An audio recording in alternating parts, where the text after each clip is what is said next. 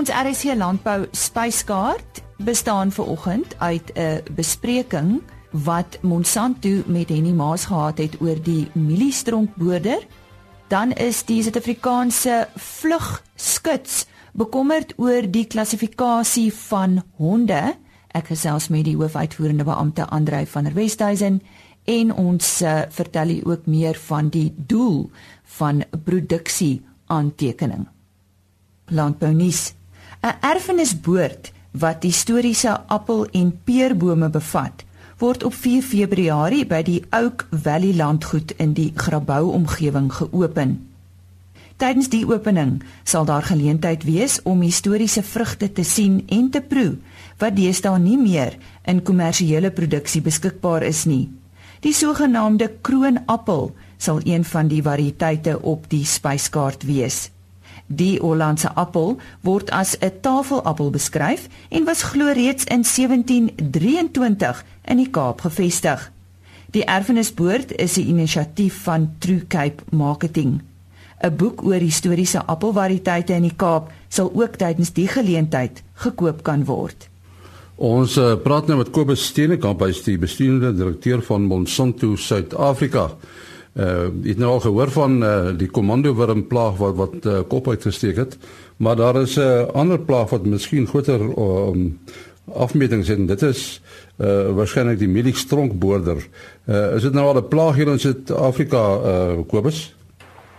Ja, nee, definitief. Ek dink uh, die mieliestronkboorder is een van ons grootste plaas in Suid-Afrika, een van die grootste uh plaag wat natuurlik groot ekonomiese verliese tot gevolg kan bring en dit nie tydig beheer kan word. Ek dink die dit is dan ook die groot ooreenkoms vir die komando wurm dat as jy dit net so los om sy gang te gaan, dan gaan jy natuurlik groot ekonomiese verliese ly. Uh, nou goed, die mieliestronkboder, uh, is daar 'n korrelasie tussen uh, droogte en die voorkoms van mieliestronkboder? Ja, nee, inderdaad, uh, ons het die afgelope paar jare, die laaste 2-3 seisoene die die voorkoms van die plaag definitief afgeneem. Nou dit word nou maar gekoppel um, grootendeels aan die droogte En dan natuurlik het ons ook die afgelope paar jare dat paar chemiese bespuitings gehad het dan wat die populasie uh, redelik onder druk gesit het. Maar ek dink as ons nou kyk na 'n uh, vroeë aanduiding is natuurlik wat in die Noord-Kaap gebeur. Uh, dit is natuurlik die area waar daar baie vroeg geplant word. In hierdie jaar uh, gedrewe deur die die hoë mielieprys het baie van produsente vroeg uh, mielies geplant en en daar was 'n baie vroeë motvlug geweest wat wat dan oor die gebied beweeg het um, reeds in Oktober uh, omdat die mediese so vroeg geplant word. Gelukkig weens die gebruik van uh, produkte soos uh, meelkar tegnologie, ehm um, kon die kon die ehm um, die plaag suksesvol afgeweer gewees het. En ek dink wat nou baie belangrik gaan wees is is om dop te hou wat met die tweede motvlug gebeur. En ons verwag gewoonlik vir die tweede motvlug hier na die einde van Januarie, begin Februarie toe en en van ons kyk uh, wat is die frekwensie en die getalle van die motte wat beweeg.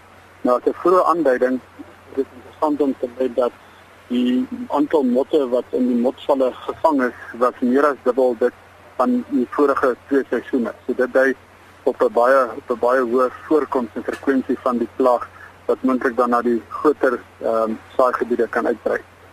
Jy jy eh, noem 'n interessante ding, uh, motvlugte. So daar's 'n eerste en 'n tweede motvlug. Uh hoekom is dit so? Ja, so die daar's tot 'n derde in in in rare gevalle dalk 'n vierde.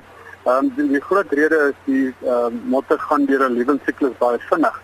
Ehm um, sodat die eiertjie word gelê, dit gaan ehm um, dit uh, word dan weer later uitgebroei en so herhaal die siklus en hoe later dit gaan, hoe meer intens word dit en as dit dan ehm um, daai motvlug spesifiek saamval met 'n uh, sensitiewe stadium van die milie plant, dan gaan ons dan natuurlik meer skade kry en Ons weet baie vroeg in die seisoen, soos wat in Noord-Kaap gebeur het, plante is klein, dis baie maklik um, om selfs in begin te bespuiting te doen. Maar soos die seisoen vorder, ehm um, en die die plante raak uh, bereik hulle ehm um, die produktiewe stadium, later word die koppe gevorm en die motte kom lê dan eiertjies, dan gaan natuurlik meer en groter ekonomiese skade kan kan aanbring. Maar dit is inderdaad die groot sukses van hierdie plaag is die feit dat dit baie vinnig uh, deur sy lewensiklus deur sy lewensiklusse kan gaan. Jy praat nou van die Noord-Kaap. Wat van uh, die die die ooste van die land waar daar waarskynlik baie meer mielieaanplantings is? Ja, daar is veel wat meer, uh, maar Hoekom dit spesifiek in 'n gebied soos die Noord-Kaap eh, 'n uh, probleem kan wees is omdat dit gewoonlik die eerste groen plante is wat daar voorkom. Dan uh, sê stronkboder um, kan dan spesifiek gaan fokus op daai op daai eerste groen gedeelte binne die uh, binne totale aride area. Dit is so in die ooste was daar was daar ook al hier en daar uh, stronkboders gewees. Um, dit is suksesvol of chemies beheer of dan deur die deur die heelkar tegnologie. So die stadium ehm um, 'n paar bespuitings wat ons plaasgevind het en die en die vraag kon baie vinnig onder beheer gebring word. En net so ietsie oor uh, die milie aanplantings, hoe lyk dit vir jou? Ja, ek dink ons het gesien met 'n uh, nagte om millimeters reën die afgelope afgelope paar weke. Ehm uh, dit lyk vir ons uh, in eerste plek baie beter as die vorige plantseisoen. Uh, die berigte wat ons tans kry dat ons is is ook maar soos die die eerste intensie om te plant is in terme van net so oor 2,4 miljoen hektaar. Ehm um, die hektare wat ons sien wat wat opgekom het en en selfs die wat oorgeplant moet word, lyk besonder goed. So ons is baie ons is baie bly saam met produsente dat ons uh, kan uitsien na baie goeie goeie oes. Dit is nog baie lank ehm um, voor ons tot by strooptyd gaan kom. Ehm um, en ons hou dan vas saam met ons produsente dat alles alles vlot verloop tot tydens die stroopproses. Nou dit was Kobus Steenekamp die bestuurende direkteur van Monsanto. Dankie Henny. Andre van der Westhuizen is die hoofuitvoerende beampte van die SA Vlug Skuts of soos hulle ook in Engels bekend staan as wing shooters. Die klassifikasie van jaghonde veral vir voëljagskuts veroorsaak tans kommer. Hy skets eers die agtergrond. Goeiemôre. Daar's 'n groot verskil tussen tussen uh uh jaghonde wat vir uh, voëls gebruik word en wat gebruik word vir vir uh, om jakkalse te jag soos in, uh, in Engeland byvoorbeeld. So die een klassifikasie is hounds en die ander klassifikasie is bird dogs. En bird dogs en hounds is nie dieselfde tipe honde nie. En dit is ons grootste probleem met hierdie met hierdie nuwe wet wat hulle wil wil inbring. Ons het ook op die 5de Desember ons offisiële klagte gemaak as jy sou wou teen dit. Ehm um, so die die groot probleem is is dat in hierdie uh, punt 14 dele punt 14 1 en 2 uh, van van daai wet uh, sê dat alle honde moet geregistreer word en um, hulle praat van hounds en dan praat hulle ook van van of dit nou voeljag is of nie en ons wil daar moet uitwys dat honde uh, uh, wat vir voeljag gebruik word word nie in pak pakke gebruik nie want hulle praat van packs packs must be registered so jou honde as as pakke as groepe uh, moet ge, uh, ge, geregistreer word. Hulle moet ge, gemonitor word. Jy moet elke jare uh, of elke keer 'n verslag instuur as jy dit uh, as jy die honde gebruik. Daar's daar's 'n groot verskil. Ons jag glad nie met honde. Hounds word gebruik uh, soos soos 'n foxhound tradisioneel in Engeland waar jy nou al gesien het al daar's 40 van die honde wat uithardloop agter die jakkals aan en die in die res van die mense kom met perde agterna. Daai honde vang self die jakkals en maak homself dood uh wat bird dogs of gun dogs dit nie doen nie. Ons jag ook nie met pakke nie. Ons het een of twee, maksimum 3 honde. Hulle vind die voël, hulle point die voël, dat hier is nie gras, hy staan doodstil. As sien ons daar is die voël. Ons jag die voël op en ons skiet hom en dan haal die hond die voël vir ons. So dis twee heeltemal verskillende uh uh tipe van aksies. Ehm um, en kulturele aktiwiteite. So dit is nie naasing by dieselfde ding nie en hulle maar ons probleem is dat hulle dit uh, on, onwetend, ons neem anders onwetend, het hulle dit groepeer as een en dit is vir ons onaanvaarbaar. So hulle moet 'n duidelike skeiding maak tussen hounds en dit is ook op Wikipedia beskikbaar. Wikipedia kan jy gaan sien die verskil tussen hounds en bird dogs of gun dogs. Dis nie dieselfde tipe hond nie en dit word nie vir dieselfde doel gebruik nie. En, en Wie is hierdie hulle wat jy van praat? Uh, dit is die uh, norms and standards for management of damage causing animals in South Africa. So dit is Department of Environmental Affairs, die DEA. Ehm um, en natuurlik die, na, die provinsiale natuurbewaringsinstansies ook, maar die maar die hoof daarvan is die DEA, Department of Environmental Affairs. So so dis vir hulle vir wie ons dit gestuur het. Sê vir my Andrei, um, ons het nou nog nooit met jou gesels op RC Landbou nie. Hoeveel uh, lede het julle wat nou regtig aktief betrokke is? Ons het 3000 lede tans net so onder 3000 lede 2998 lede. Um, reg oor die land. Ons is ons is 'n uh, nasionale vereniging maar ons net uit een kantoor uit. En ons werk eintlik net met landbou. So ons werk glad nie saam met wildboere of so nie want waar ons voelsjag tarantale visante duwe daai tipe goeders gaan se eende is op op op landbou grond waar mense ploeg en saai. Dis waar ons so ons werk saam met die landboumense, ja. Eh, is julle mense wat in enige beroep is uh um, in die algemeen en dan doen julle hierdie as 'n stokperdjie? Dis korrek, ja. Ons lede is almal Suid-Afrikaanse burgers en hulle doen dit as 'n stokperdjie. Korrek. Julle het nou hierdie uh 'n kommentaar ingedien op die 5de Desember. Wat gebeur nou? Uh, ons wil hoor of hulle aanvaar of nie. Ehm um, normaalweg in so in in in in so tipe van van van 'n konsultasie periode tussen die staat en die land se burgers, uh hoor mense nie noodwendig terug van hulle af nie. Ons sit wel op die Wildlife Forum wat uh, deels uh, uitmaak van van die uh, the, the Department of Environmental Affairs uh, is 'n forum. So ons is op hierdie forums, ons kan met hulle kommunikeer. Ehm um, dit is uh, ons het nie enige uh, seggenskap of hulle dit gaan gaan toepas ons ons kommentaar al dan nie.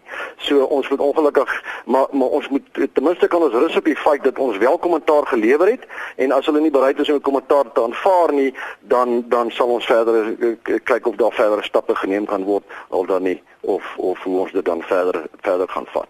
De, maar op die einde van die dag uh, is ek seker hulle sal hulle sal die die die die die verskille uh, sien hoe ons dit vir hulle verduidelik het en hoe dit uh, toepaslik is en hoe toepaslik verskillend is. Daar is reeds ook, as ek dit kan noem, in die natuurbewaring ordonnansie van meeste van ons provinsies, is daar reeds 'n uh, 'n uh, um 'n toegewing gemaak vir jag met met honde. So in in die meeste van die natuurbewaring ordonnansie stel daar staan van elke provinsie sal daar staan uh, no hunting with dogs allowed of geen jag met honde tensy jy voorjag met voorjaghonde.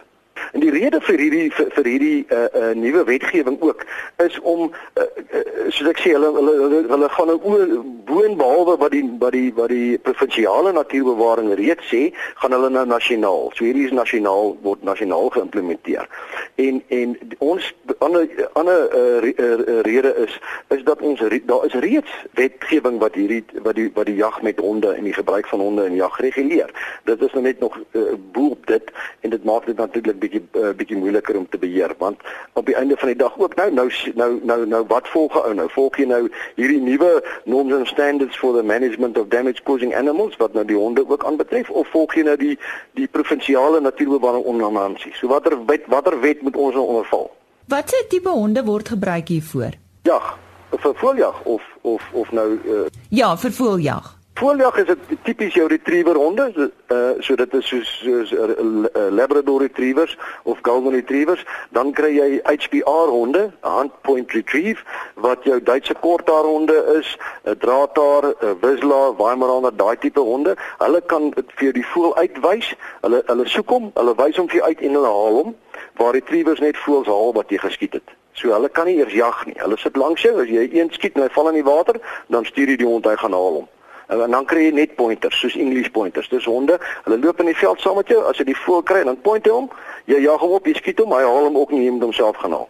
Dis net pointing honde. Uh, en dis heeltemal anders te van die honde wat hulle eintlik bedoel wat hulle praat van hounds in hulle wetgewing. Dit is die tipiese uh uh uh die Afrikaners honde of die klas van van van uh, Engelse uh foxhounds uh wat tradisioneel gebruik word om prooi te jag. Uh, enige van jou hounds, greyhounds, deerhounds uh, uh, word gebruik om om diere te jag en meestal self dood te maak nog voor die jagter daarby kom. Hulle hardloop agter die sent aan, vang die dier, maak hom dood tot voor die jagters eh, of die mense op die perde daar aankom, dan is die dier al dood al. Dit werk dit werk met ons glad nie so nie. En eh, 'n uh, hond wat voeljag mag nie self die voël doodmaak nie, geensins nie. Is hierdie 'n seisonale sport, Andrei? In die jagseisoen uh, dien ooreenkomstig die verskillende seisoene uh, uiteengesit deur die uh, uh, verskillende provinsies in ons land. Ek het daar gesels met Andre van der Westhuizen, die hoofuitvoerende beampte van die SA Vlug Skuts en 'n telefoonnommer vir hulle in Johannesburg indien jy graag met hom wil gesels is 011 781 4762. Ek herhaal 011 781 4762. Voor ons voortgaan nog landbou nuus. Suiwelprodusente en verwerkers het nog tot 1 Februarie tyd om in te skryf vir die 2017 Suid-Afrikaanse Suiwelkampioenskappe. Die beoordeling sal in Februarie plaasvind, waarna die wenners tydens die kwaliteit toekenningsdiner op 17 Maart bekroon word. Die bestuurder produksieaantekening by SA Stamboek is Dr. Japie van der Westhuizen en die maas is nou in gesprek met hom en hulle praat oor die doel van produksieaantekening. Japie, ehm um, as jy met 'n plaas van produksieaantekening, is nou dieselfde as diereaantekening. Hoekom doen mense dit? Is dit maar om te meet is om te weet? Ja, nee, uh dankie vir die geleentheid. Ja, dit is maar waaroor dit gaan. Uh, Party ouens sê deesdae uh meting beteken om te kan bestuur ook. Uh uh measurement is management proses sê hulle in Engels. So met ander woorde dit dit dit uh, dit is 'n klomp goed uh, wat mense eintlik van praat, né? Nee, die eerste plek gee dit vir jou 'n aanduiding op die vlak van produksie. Uh is jy op die regte vlak? Met ander woorde, jy kan jouself uh, ek dink die Engelse woord sou gewees het benchmark. Met ander woorde, meet aan ander produksiestelsels, ander omgewings. Is jy op koers met jou ras ensovoorts en om dan natuurlik bestuursaanpassings te maak as jy nie uh, voldoende sê maar wins maak nie op grond van die metings wat jy dan doen uh, om selfs selfs individuele diere uh, se metings te gebruik om uh, besluite te maak. Sien nou maar 'n melkkudde. Um, as as jou produksievlakke val of as die proteïen bottervet verhouding dalk uh, nie reg is nie kan jy sê maar hier's 'n energietekort en hierdie koeie of hulle hulle 'n geneigtheid tot tot een of ander metabooliese steurnis so ek met my voeding aanpas of wat ook al die geval, geval mag wees en dan om seleksiebesluite te maak. Met ander woorde om te besluit op grond van daai metings watter diere pas die beste in in jou produksiestelsel of op in op jou plaas en behoort gehou word as ouers van die volgende generasie. Ons noem dit eintlik maar met die een woord seleksie, met ander woorde genetiese seleksie van daai diere.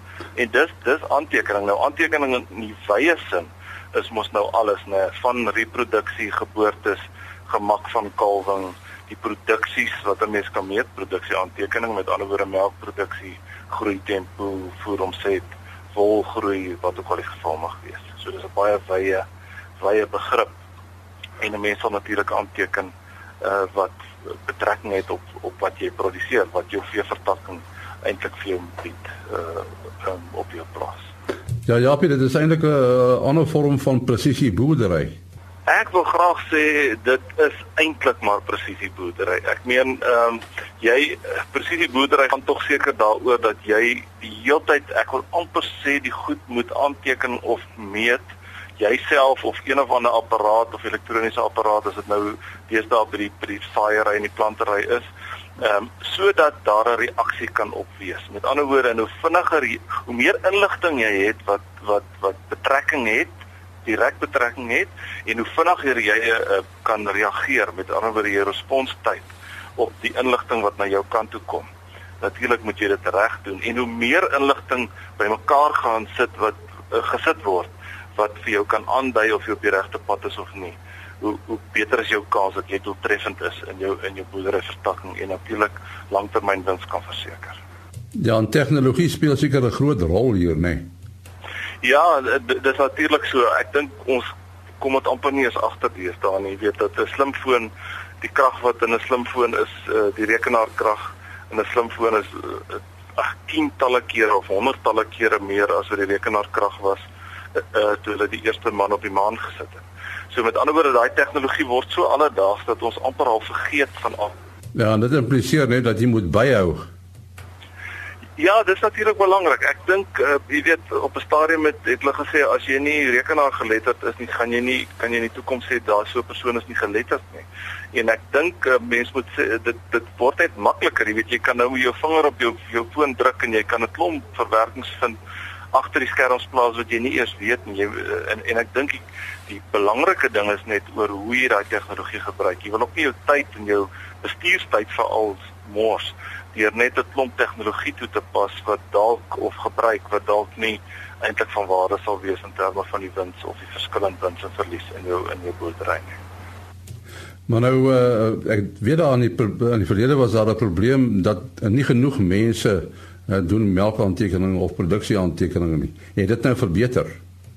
Dit het nog nie veel verbeter nie, maar nou moet 'n mens ook daai ander perspektief daarom by sê dat uh, in die in die moderne tyd is is die ontwikkelings rondom melkmasjiene en die verwerkings van rondom dit gaan in die metings het geweldig vooruit gegaan. Met ander woorde 'n uh, uh, groot moderne melkery vandag meet eintlik 'n geweldige lot dinge en gebeure op die plaas soos hierdie pedometers wat op die koeie sit om haar beweging stop te hou. Die sy loop 2 of 3 keer 'n dag oor 'n skaal elke keer as sy ge, uh, gemelk word.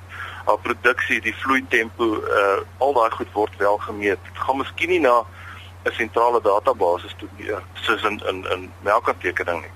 Maar die boere meet en hulle hulle besef ook as jy nie daai metings gebruik nie dat dat uh, dat dat dit ook 'n verskil kan maak in of verlies.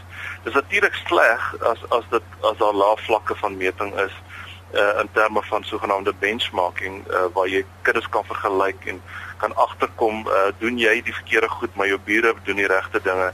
Ehm um, en ons probeer dit ook as 'n as 'n as 'n motivering om soveel as moontlik metings eintlik in te kry. En dan natuurlik teelwaardes. Met ander woorde, as jy semen invoer van 'n bil, gaan daai bulle verskil maak. Sy gaan sy dogters meer winsgewend wees as die ander bil wat die alternatief is. En as as jy nie deel van daai metingsproses is nie, maak dit eintlik vir jou geweldig moeilik om om daai tipe besluite te maak. En, en watter rol speel julle nou as stamboek?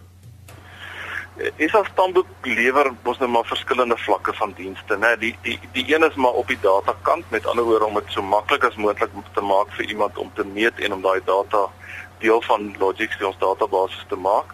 Uh dis die een tipe diens. Die ander tipe diens is ons doen navorsing en ontwikkeling en ons doen die teelwaarde kledings. Ook dan is 'n uh, professionele adviesdiens rondom voeding en bestuur vir albei melkkuddes en dan velddienste. Met ander woorde ons tegniese adviseurs uh, wat fisies op die plaas kom en eintlik die boere help uh, om die regte besluite te maak en dit vir hom makliker te maak. So ehm um, ek dink die professionele adviesdienste nou in die laaste tyd ook genomiese seleksie byvoorbeeld uh, wat deel geword het van Stamboek se arsenaal. Ehm um, maak dit dan moontlik uh, vir vir boere om dit makliker te maak om daai data in te samel en om te verstaan wat die wat die verwerkings beteken op plaasvlak uh, om daai besluite dan uit te voer. As jy nou 'n land moet uitsonder, uh, watter land sou jy sê is 'n rolmodel wat uh, wat uh, diereaantekening betref? Dis natuurlik 'n baie moeilike vraag, nee, want elke land het mos net sy sterk en swak punte. Ehm um, ek het vir baie jare hou ek nou 'n spesifieke land dop en dis nou en dis miskien 'n land wat iemand nou nie sou verwag nie, maar dis Ierland. Uh Ierland uh het klompe jare terug het hulle met die uh, baie moeilike situasie gesit dat elke ou het sy eie ding gedoen en daar was 'n klomp klein databasisse en en niemand het met niemand gepraat uh, uh, by wyse van spreke nie uh, en so voort en hulle dit verenig onder die sogenaamde ICBF, die Irish Cattle Breeders Federation waar hulle al daai databasisse saamgevoeg het. Ehm um, hulle het hulle melkaantekening eintlik vir eenvoudig, hulle het eintlik 'n klomp geld ingesit deur dit ook selfs outomatiese melkmasjiene rond te ry wat wat wat uh, wat jy van een melk uh, by een kudde kon koppel aan 'n melk uh, melkstelsel na aan een toe ensovoorts. Ehm um, hulle hulle database is is uh, geweldig uh, goed ontwikkel. Hulle genetiese evaluasies en hulle teeldoelwitte wat hulle ingebou het vir hulle melk en vleisbedryf uh, het beteken dat hulle semen invoere wat hulle afhanklikheid van ander lande het geweldig geval uh die melkbore daar teel hulle uh, eie uh, kaaibulle ensovoorts en dan ehm um, hulle het byvoorbeeld nou 'n vleisstel uh, in hulle vleis uh, teeling.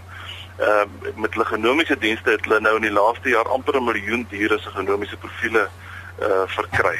Uh wat uh oorras genetiese evaluasies uh moontlik maak ehm um, en hulle geweldige vordering. uh toon op die genetika vlak en dan die bestuursvlak van 'n kind.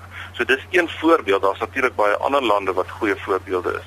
Maar dis een voorbeeld van hoe as 'n bedryf saam staan en hulle pool hulle hulle hulpbronne, uh dan kry hulle dit reg om eintlik uh, baie kompeterend te wees op op 'n wêreldvlak. Uh, hulle het natuurlik topwetenskaplikes ook en hulle behou hulle wetenskaplikes uh deur die ouens um uitdagings te bied. Dis mos maar wat die wetenskaplike se se se hart laat klop is die uitdagings in die wat wat vir hom voorlê uh of haar voorlê en en en dit is dis my een van die rolmodelle maar daar kan daar's 'n hele paar ander ook. En die maas wat daar gesels het met Dr. Japie van der Westhuizen, bestuurder produksie aantekening by SA Stamboek. Nog landbou nuus. Suid-Afrika is glo die jongste bron van donkievelle wat deur oosterse vroue gebruik word as 'n seksopkikker. Volgens Dr Marita van der Merwe, adjunkdirekteur van omgewingsgesondheid en sosiale ontwikkeling in Tshwane, was daar die afgelope paar maande 'n toename in donkieslagtings om in die vraag uit China na die gesogte produkte voorsien van die donkievelstropers wat in die omgewing van Springbok en die Vrystaat bedrywig was, is vasgetrek en suksesvol vervolg. Daar word vermoed dat die booswigte nou hulle bedrywighede in die Noord-Kaap voortsit. En wildsvleisproduksie raak toenemend 'n wêreldwye neiging. Volgens 'n berig in Veeplaas boer produsente in die Tsjechiese Republiek intensief met elande uit Oos-Afrika.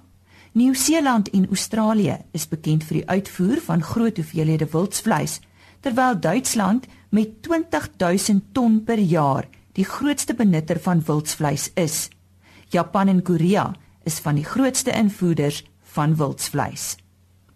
RSG Landbou is 'n produksie van Blast Publishing. Produksieregisseur Henny Maas. Aanbieding Lisa Roberts. En uitskoördineerder Martie Kerstyn.